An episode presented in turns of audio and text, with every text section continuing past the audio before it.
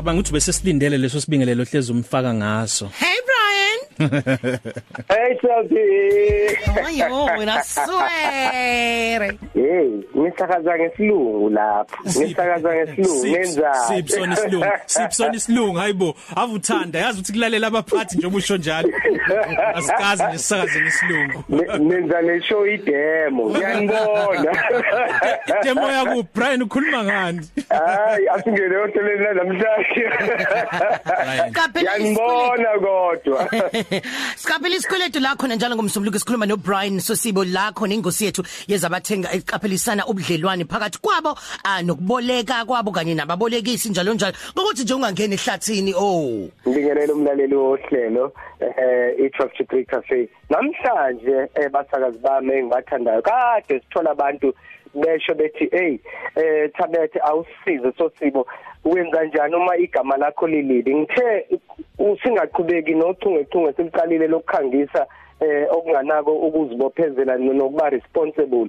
Eh namhlanje ngithe ake senze i-COVID-19 special. Wenza njani ukugwema ukuthi igama lakho libhalwe kabi ngenxa ye-COVID-19 ne-national lockdown? Yiziphi mhlawumbe inyathelo ongase uzithathe ukugwema lokho ukuthi igama lakho lingabhalwa kabi yeah asingene kuzo lezo inyathelo sosa. Zimbili engizoziveza eyokuqala i-payment holiday esibili credit life insurance engithanda ukuthi ke sibheke eh, ngesonto elizayo. Kodwa ke namhlanje bengithanda ukuthi sibheke kakhulu kwi-payment holiday.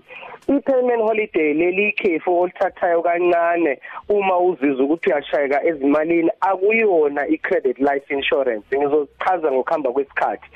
Siya umgogodla wesikweletu ukuthi sikhokhwe imali ibuyiswe. Yiwo ke umgogodla lokho. Futhi umuntu osuke kaapprove or ilender ake sithi lokubolekayo imali akaku approve ngoba ekudabukela. Ake sikususe lokhu emqondweni yethu ukuthi ngizodabukisa ngizokhala ayingeni leyo nto. Ku section 4 we National Credit Act ukubeka ngokusobala ukuthi abangena esikweletini asinalo uzwelo bakwenza at arm's length. Kusho ukuthi akukho iaffection akukho ukuzwelana lapho. Manje ke iyodwa umgomo abawusebenzisayo uma befuna ukukweletela noma bezokuvuma ukuthi uzoyibuyisa yini le mali. Nakho ke sesingena kwi COVID-19 national lockdown yashayeka imali esiholayo yashayeka imisebenzi yethu senza njani ke ukuvikela ngoba ukuziba akusho ukuthi izinto zizitshiwe. Yabona njengoba nje ushayekile emsebenzini ungasayihola imali obuyihola akusho ukuthi izinyathelo zithathwe ziyaqhutsheka ziyathatha izinyathelo zomthetho uyaqhubeka futhi nokubhalwa kambi eh, igama lakho lapha kuma credit bureaus.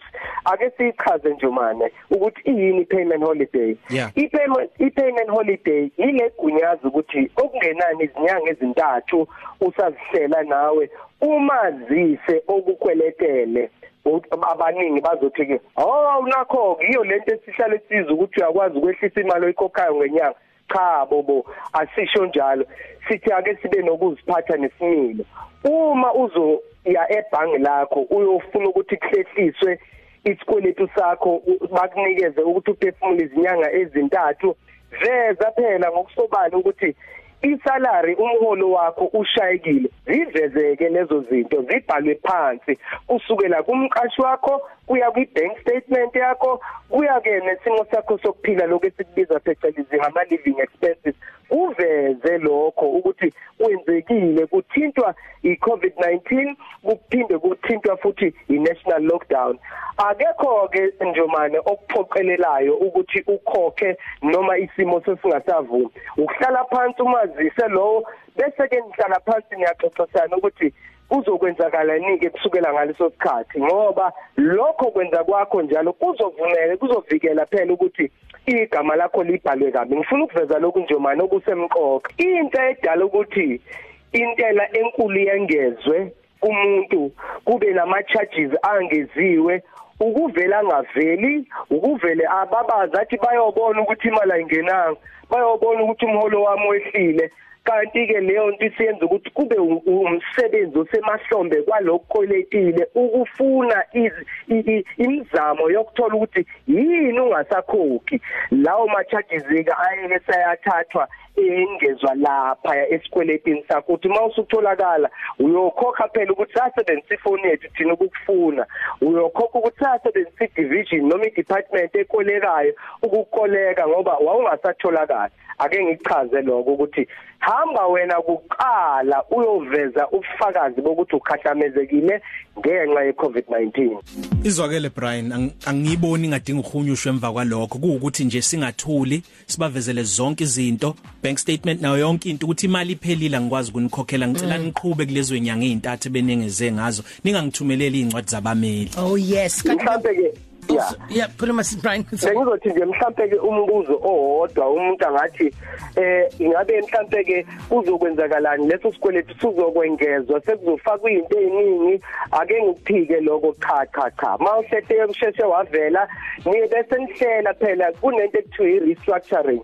I-restructuring yokuthi sizosibuyele sesikweletu sisihlele kanjani mawusuthe wasimama noma uyokwengeza. Ukhokhe kakhulu. Noma siyosengeza nje ngezinyanga ezithile. Mhlambe ugabisela umlaleli ngeviki elilandelayo.